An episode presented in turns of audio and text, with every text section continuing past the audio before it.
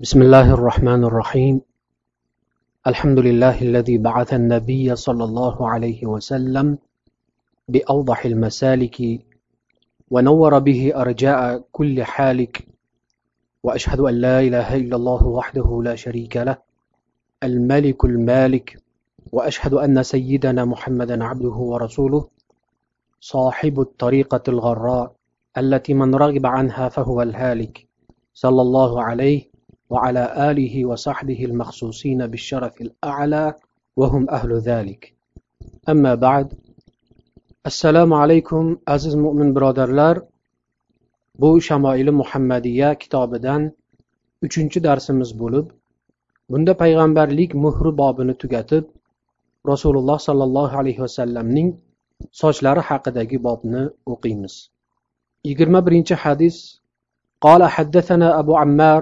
الحسين بن حريث الخزاعي أخبرنا علي بن حسين بن واقد قال حدثني أبي قال حدثني عبد الله بن بريدة قال سمعت أبي بريدة يقول جاء سلمان الفارسي إلى رسول الله صلى الله عليه وسلم حين قدم المدينة بمائدة عليها رطب فوضعها بين يدي رسول الله صلى الله عليه وسلم.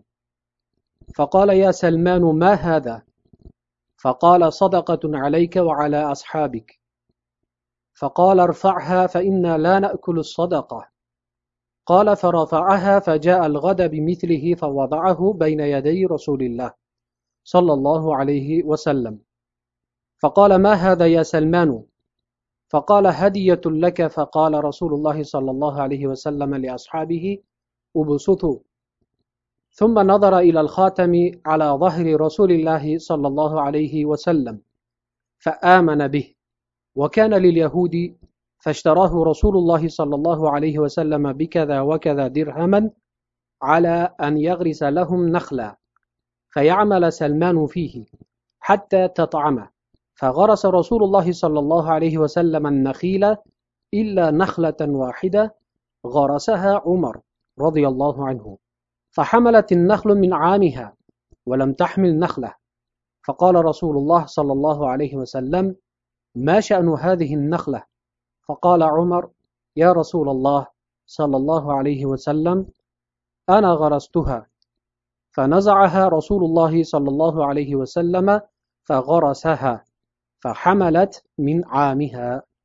abu burayda roziyallohu anhudan rivoyat qilinadi u kishi aytadilarki salmoni forisiy madinaga kelganda rasululloh sollallohu alayhi vasallamning oldilariga bir dasturxonda xurmo olib kelib qo'ydi.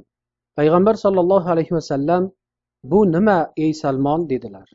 Salmon bu sizga va ashoblaringizga sadaqa dedi. Rasululloh sollallohu alayhi vasallam ol buni chunki biz sadaqa yemaymiz dedilar. Roviy aytadilarki salmon uni olib ketib ertasiga ham xuddi shunday dasturxon ko'tarib keldida yana rasululloh sollallohu alayhi vasallamning oldilariga qo'ydi. Rasululloh sollallohu alayhi vasallam bu nima ey salmon? dedilar. Salmon bu sizga hadya dedi. Rasululloh sollallohu alayhi vasallam ashoblarga olinglar dedilar. So'ng salmon rasululloh sollallohu alayhi vasallamning orqalaridagi muhrga qaradida rasululloh sollallohu alayhi vasallamga iymon keltirdi. Salmon yahudlar qo'lida qul edi. Payg'ambar sollallohu alayhi vasallam uni ulardan xurmo ekib xurmo meva kirgungacha salmon ularni parvarish qilishi shartidan tashqari yana bir qancha dirhamga sotib oldilar. So'ng rasululloh sollallohu alayhi vasallam kelishilgan xurmo ko'chatlarini hammasini ekdilar. Faqat bittasini umar roziyallohu anhu ekdilar. Xurmolar shu yilning o'zidayoq mevaga kirdida faqat haligi umar roziyallohu anhu ekkan xurmogina meva bermadi. Rasululloh sollallohu alayhi vasallam bu xurmoga nima bo'ldi? dedilar. Shunda umar roziyallohu anhu yo rasululloh sollallohu alayhi vasallam uni men ekkan edim dedilar. Keyin rasululloh sollallohu alayhi vasallam u ko'chatni sug'urib qayta ekkan edilar. Shu yildayoq u ham mevaga kirdi. Ulamolar aytadilarki salmon forisiy bu sinovni rasululloh sollallohu alayhi vasallamni chinakam payg'ambar ekanliklarini bilish maqsadida qilganlar. Chunki u zotning payg'ambarlik alomatlaridan biri sadaqa ya'ni zakot yemaslik edi. Buni salmon forisiy nasroniya dinida bo'lganlarida bilib olgan edilar. Rasululloh sollallohu alayhi vasallam bilan birga o'tirgan ashoblar ham hadisni sharhlovchi ulamolarning aytishlariga ko'ra hoshimiylarga mansub ekanlar shuning uchun sadaqani ularga ham yedirmadilar. Ammo hadiya u zotga ham va barcha hoshimiylarga ham poku haloldir. Yigirma ikkinchi hadis قال حدثنا محمد بن بشار قال أخبرنا بشر بن الوضاح قال أنبأنا أبو عقيل الدورقي عن أبي النضرة قال سألت أبا سعيد الخدري عن خاتم رسول الله صلى الله عليه وسلم يعني خاتم النبوة. فقال كان في ظهره بضعة ناشزة.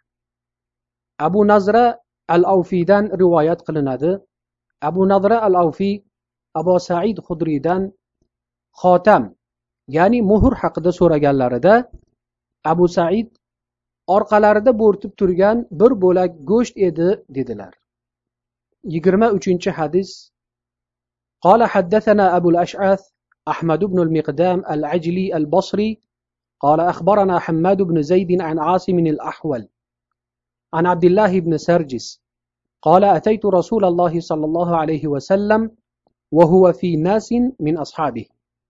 فدرت هكذا من خلفه فعرف الذي أريد. فألقى الرداء عن ظهره فرأيت موضع الخاتم على كتفيه مثل الجماع حولها خيلان. كأنها ثآليل فرجعت حتى استقبلته. فقلت غفر الله لك يا رسول الله؟ فقال ولك. فقال القوم استغفر لك رسول الله؟ فقال نعم. ولكم ثم تلا هذه الآية واستغفر لذنبك وللمؤمنين والمؤمنات abdulloh ibn sarjisdan rivoyat qilinadi u kishi aytadilar men rasululloh sollallohu alayhi vasallamning oldilariga keldim u zot ba'zi ashoblar bilan ekanlar sekin orqalariga aylanib o'tdim men iroda qilgan narsani payqab qolib yelkalaridan ridoni tushirib yubordilar Ikki kuraklari o'rtasida musht kabi muhrni ko'rdim. Atrofida xollar bor edi. U xollar xuddi saalil ya'ni no'xatdek yoki undan kichikroq ko'pincha badanning bo'yin yelka va qo'ltiq qismlarida chiqadigan so'gallarga o'xshagan o'simtalardir. Hadisning davomida aytadilarki keyin qaytib ro'paralariga o'ltirdimda olloh sizni mag'firat qilsin ya rasululloh. Sollallohu alayhi vasallam dedim. Rasululloh sollallohu alayhi vasallam ham seni ham dedilar. Qavm rasululloh sollallohu alayhi vasallam senga ollohdan istig'for so'radilarmi deyishdi. Men ha sizlarga ham dedim. So'ng ularga ushbu oyatni o'qib berdim. Ya'ni vastag'fir li zambika va lil mu'minina val mu'minat oyatini o'qib bergan ekanlar. Subulul huda va rashad kitobining muallifi solihiy aytadilarki ulamolar bu rivoyatlarni hammasi ma'noda bir biriga yaqin va o'rtada hech qanday ziddiyatlik yo'q deydilar. Har bir roviy o'zining miqyosi bilan ta'riflagan. Birovi kaklik yoki kabutar tuxumiga o'xshatsa birovi bo'rtib chiqqan bir bo'lak go'shtga va yana birovi mushtga yoki tuklar to'plamiga o'xshatgan. Tuklar degan so'z ham haqiqatdan yiroq emas. Chunki boshqa rivoyatlarga qaraganda chindan ham muhr atrofida tuklar bor edi. Ammo mushtdek degan so'zning ma'nosi hajmda tengligi bo'lmay balki ko'rinishda o'xshashligidir deb tavil qiladilar. Xullas shu bilan payg'ambarlik muhri haqidagi bob ham nihoyasiga yetib uchinchi bobga keldik. Uchinchi bob rasululloh sollallohu alayhi vasallamning sochlarining sifati haqida kelgan hadislardir bu bobda imomi termiziy sakkizta hadis keltirgan ekanlar yigirma to'rtinchi hadis قال حدثنا علي بن حجر قال أخبرنا إسماعيل بن إبراهيم عن حميد عن أنس بن مالك قال كان شعر رسول الله صلى الله عليه وسلم إلى نصف أذنيه anas ibn molikdan rivoyat qilinadigan bu hadisda aytadilarki rasululloh sollallohu alayhi vasallamning sochlari ikki quloqlarining yarmigacha edi. Ba'zi sharhlovchilar gohida shunday quloqning yarmiga yetib gohida yarmidan o'tardi deydilar. Shuning uchun rivoyatlarda ixtiloflar bor. Sababi har bir roviy rasululloh sollallohu alayhi vasallamning sochlarini qaysi holatda ko'rgan bo'lsa o'sha holatni tasvirlagan. Yigirma beshinchi hadis قال حدثنا هناد بن السري قال أخبرنا عبد الرحمن بن أبي الزناد عن هشام بن عروة عن أبيه عن عائشة رضي الله عنها قالت كنت أغتسل أنا ورسول الله من إناء واحد وكان له شعر فوق الجمة ودون الوفرة. عائشة رضي الله عنها دان روايات قلنشچا u zot aytadilarki men va rasululloh sollallohu alayhi vasallam bir idishdan suv olib g'usul qilar edik u kishining sochlari quloq yumshog'idan o'tib yelkaga yetmagan edi yigirma oltinchi hadis قال حدثنا أحمد بن منيع قال أخبرنا أبو قتن قال أخبرنا شعبة عن أبي إسحاق عن البراء بن عازب قال كان رسول الله صلى الله عليه وسلم مربوعا بعيد ما بين المنكبين وكانت جمته تضرب شحمة أذنيه baro ibn ozib roziyallohu anhudan rivoyat qilinib aytadilar payg'ambar sollallohu alayhi vasallam o'rta qomat bo'lib ikki yelkalari orasi keng sochlari quloq yumshog'iga tegar edi yigirma yettinchi hadis قال حدثنا محمد بن بشار قال أخبرنا وهب بن جرير بن حازم قال حدثني أبي عن قتادة قال قلت لأنس كيف كان شعر رسول الله صلى الله عليه وسلم؟ قال لم يكن بالجعد ولا بالسبط كان يبلغ شعره شحمة أذنيه.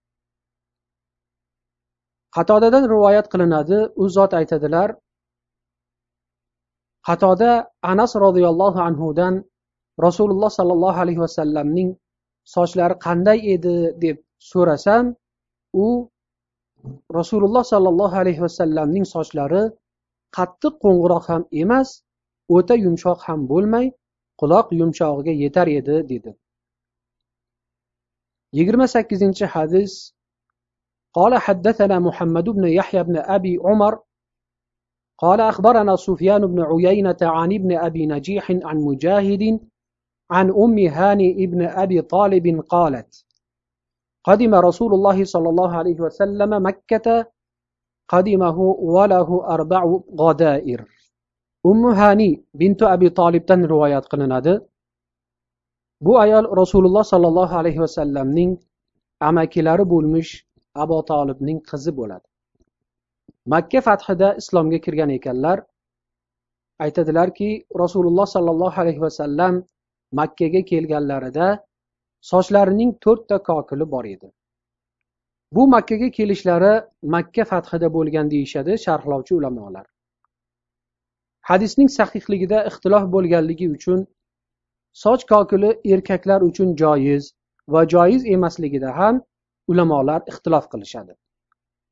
Ulardan ba'zilari hadis sahih deb soch kokili ayollar uchun xos emas. Balki erkaklar uchun ham joiz. Garchi zamonamizdagi odatda yo'q bo'lsa ham deydi. Ba'zilari esa hadis sahih emas va bu ayollar odatidir. Shuning uchun soch kokili erkaklar uchun joiz emas deydilar. Hadisni sahih deb e'tiborga olingan taqdirda ham o'sha zamonning urf odati uzun soch qo'yish ekanligini va kishi sochni boylam qilib olmasa ko'p mashaqqat chekishini unutmasligimiz lozim. Chunki urf odat shariatda e'tiborlikdir agar qur'on va hadisga xilof bo'lmasa. Ammo musulmonlarning urf odatida bo'lmay bu ham yetmaganday g'ayridillarning tutgan yo'llarini havas qilib mashhur kino artisti yoki qo'shiqchi yoki sportchiga o'zini o'xshatishlar bo'lsa bular shariat qaytargan noma'qul ishlardir. Amallar niyatga qarabdir rasululloh sollallohu alayhi vasallam kimiki o'zini bir qavmga o'xshatsa u o'shalardandir deb marhamat qilganlar yigirma to'qqizinchi hadis قال حدثنا سويد بن نصر قال حدثنا عبد الله بن المبارك عن معمر عن ثابت عن انس ان شعر رسول الله صلى الله عليه وسلم كان إلى انصاف اذنيه anas roziyallohu anhudan aytadilar rasululloh sollallohu alayhi vasallamning sochlari ikki quloqlarining yarmigacha edi o'ttizinchi hadis قال حدثنا سويد بن نصر قال حدثنا عبد الله بن المبارك عن يونس بن يزيد عن الزهري قال أخبرنا عبيد الله بن عتبة عن ابن عباس رضي الله عنهما أن رسول الله صلى الله عليه وسلم كان يسدل شعره. وكان المشركون يفرقون رؤوسهم وكان أهل الكتاب يسدلون رؤوسهم. وكان يحب موافقة أهل الكتاب فيما لم يؤمر فيه بشيء. ثم فرق رسول الله صلى الله عليه وسلم رأسه. ibn abbos roziyallohu anhudan rivoyat qilinib aytadilarki rasululloh sollallohu alayhi vasallam dastlab sochlarini orqaga tarab olib ikkiga farqlamas edilar. Mushriklar esa sochlarini ikkiga farqlar edilar. Ahli kitoblar esa sochlarini farqlamay orqaga tarab olardilar. Rasululloh sollallohu alayhi vasallam buyurilmagan o'rinlarda ahli kitoblarga muvofiq kelishni xohlardilar. Chunki ularni mushriklardan ko'ra haqiqatga har holda yaqinroq deb o'ylardilar.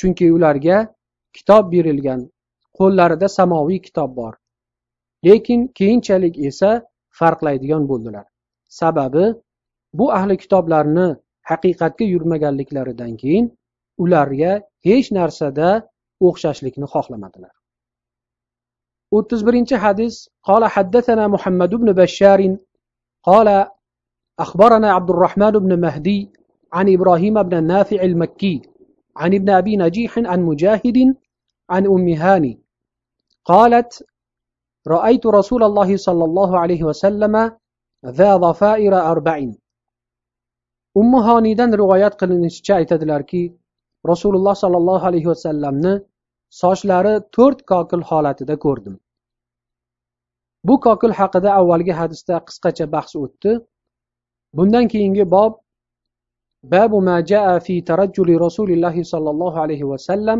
va fihi xamsatu ahadith bundan keyingi bob rasululloh sollallohu alayhi vasallamning sochlarini tarashliklari haqida kelgan hadislardir bunda imom termiziy beshta hadis rivoyat qilgan ekanlar o'ttiz ikkinchi hadis قال حدثنا إسحاق بن موسى الأنصاري قال حدثنا معن بن عيسى قال حدثنا مالك بن أنس عن هشام بن عروة عن أبيه عن عائشة رضي الله عنها قالت كنت أرجل رأس رسول الله صلى الله عليه وسلم وأنا حائض عائشة رضي الله عنها aytadilar rasululloh sollallohu alayhi vasallamning sochlarini hayz holatimda ham tarab qo'yar edim yahudiylarda agar ayol kishi hayz ko'radigan bo'lsa u ayol bilan yahudiylar hatto birga o'ltirib ovqatlanishmas ham ekan ammo islom ayollarga juda kengchiliklarni berdi o'ttiz uchinchi hadis قال حدثنا يوسف بن عيسى قال أخبرنا وكيع قال أخبرنا الربيع بن صبيح عن يزيد بن أبان هو الرقاشي عن أنس بن مالك قال كان رسول الله صلى الله عليه وسلم يكثر دهن رأسه وتسريح لحيته ويكثر القناع حتى كأن ثوبه ثوب زيات anas ibn molikdan rivoyat qilinishicha aytadilar rasululloh sollallohu alayhi vasallam sochlarini ko'p yog'lar va soqollarini ko'p tarar edilar va soch yog'laganda boshga kiyiladigan bosh kiyimini ko'p iste'mol qilar edilarki hatto kiyimlari ya'ni boshga o'raydigan kiyimlari yog'chining kiyimiga o'xshab ketgan edi albatta soch yog'lash sochni quvvatlab to'zib ketishdan saqlaydi bunday poklikka shariati islomiya musulmonlarni chorlaydi o'ttiz to'rtinchi hadis qola haddathana hannad ibn surri قال أخبرنا أبو الأحوص عن الأشعث بن أبي الشعثاء عن أبيه عن مسروق عن عائشة رضي الله عنها قالت إن كان رسول الله صلى الله عليه وسلم لا يحب التيمن في طهوره إذا تطهر وفي ترجله إذا ترجل وفي انتعاله إذا انتعل oysha roziyallohu anhodan rivoyat qilinadi u zot aytadilar rasululloh sollallohu alayhi vasallam agar tahorat qilsalar tahoratlarida soch tarasalar soch tarashlarida va oyoq kiyim kiysalar ham oyoq kiyim kiyishlarida o'ng tarafdan boshlashni yoqtirar edilar o'ttiz beshinchi hadis qola haddathana muhammad ibn bashar qola axbarana yahya ibn said عن هشام بن حسان عن الحسن البصري عن عبد الله ابن مغفل قال نهى رسول الله صلى الله عليه وسلم عن الترجل إلا غبا abdulloh ibn mug'affaldan rivoyat qilinishicha u zot aytadilar rasululloh sollallohu alayhi vasallam sochni ko'p tarashdan qaytarib kanda qilib tarashga ruxsat berganlar. O'ttiz oltinchi hadis qola haddathana al-hasan ibn arafa قال حدثنا عبد السلام بن حرب عن يزيد بن أبي خالد عن أبي العلاء الأودي عن حميد بن عبد الرحمن عن رجل من أصحاب النبي صلى الله عليه وسلم أن النبي صلى الله عليه وسلم كان يترجل غبا حميد بن عبد الرحمن aytadilar payg'ambar sollallohu alayhi vasallamning ashoblaridan bir kishi rivoyat qilishiga qaraganda rasululloh sollallohu alayhi vasallam goh gohida soch tarar edilar. Bu bobdagi oxirgi hadis zaif bo'lsada bundan avvalgisi shu mazmunda bo'lib sahihdir. Ulamolar aytadilarki erkak kishi haddan ortiq ko'p soch tarashi erkaklik sifatlariga to'g'ri kelmaydi. Bu ayollarning tabiatiga mutanosibdir chunki erkaklarga dag'allik ayollarga esa noziklik yarashgan. Biroq bu gapdan erkak kishi sochini paxmaytirib suv tekkizmay taroq o'tmaydigan bo'lib yurishi kelib chiqmaydi. Balki sochni o'z vaqtida yuvib va tarab turishga uni shariat chorlaydi. Islom erkak va ayolga hamma o'rinda o'zining tabiatiga munosib vazifasini belgilab bergan. mana shu yerda darsimizga yakun yasab alloh taolodan so'zlarni eshitib eng go'zaliga ergashadigan qilishini so'raymiz.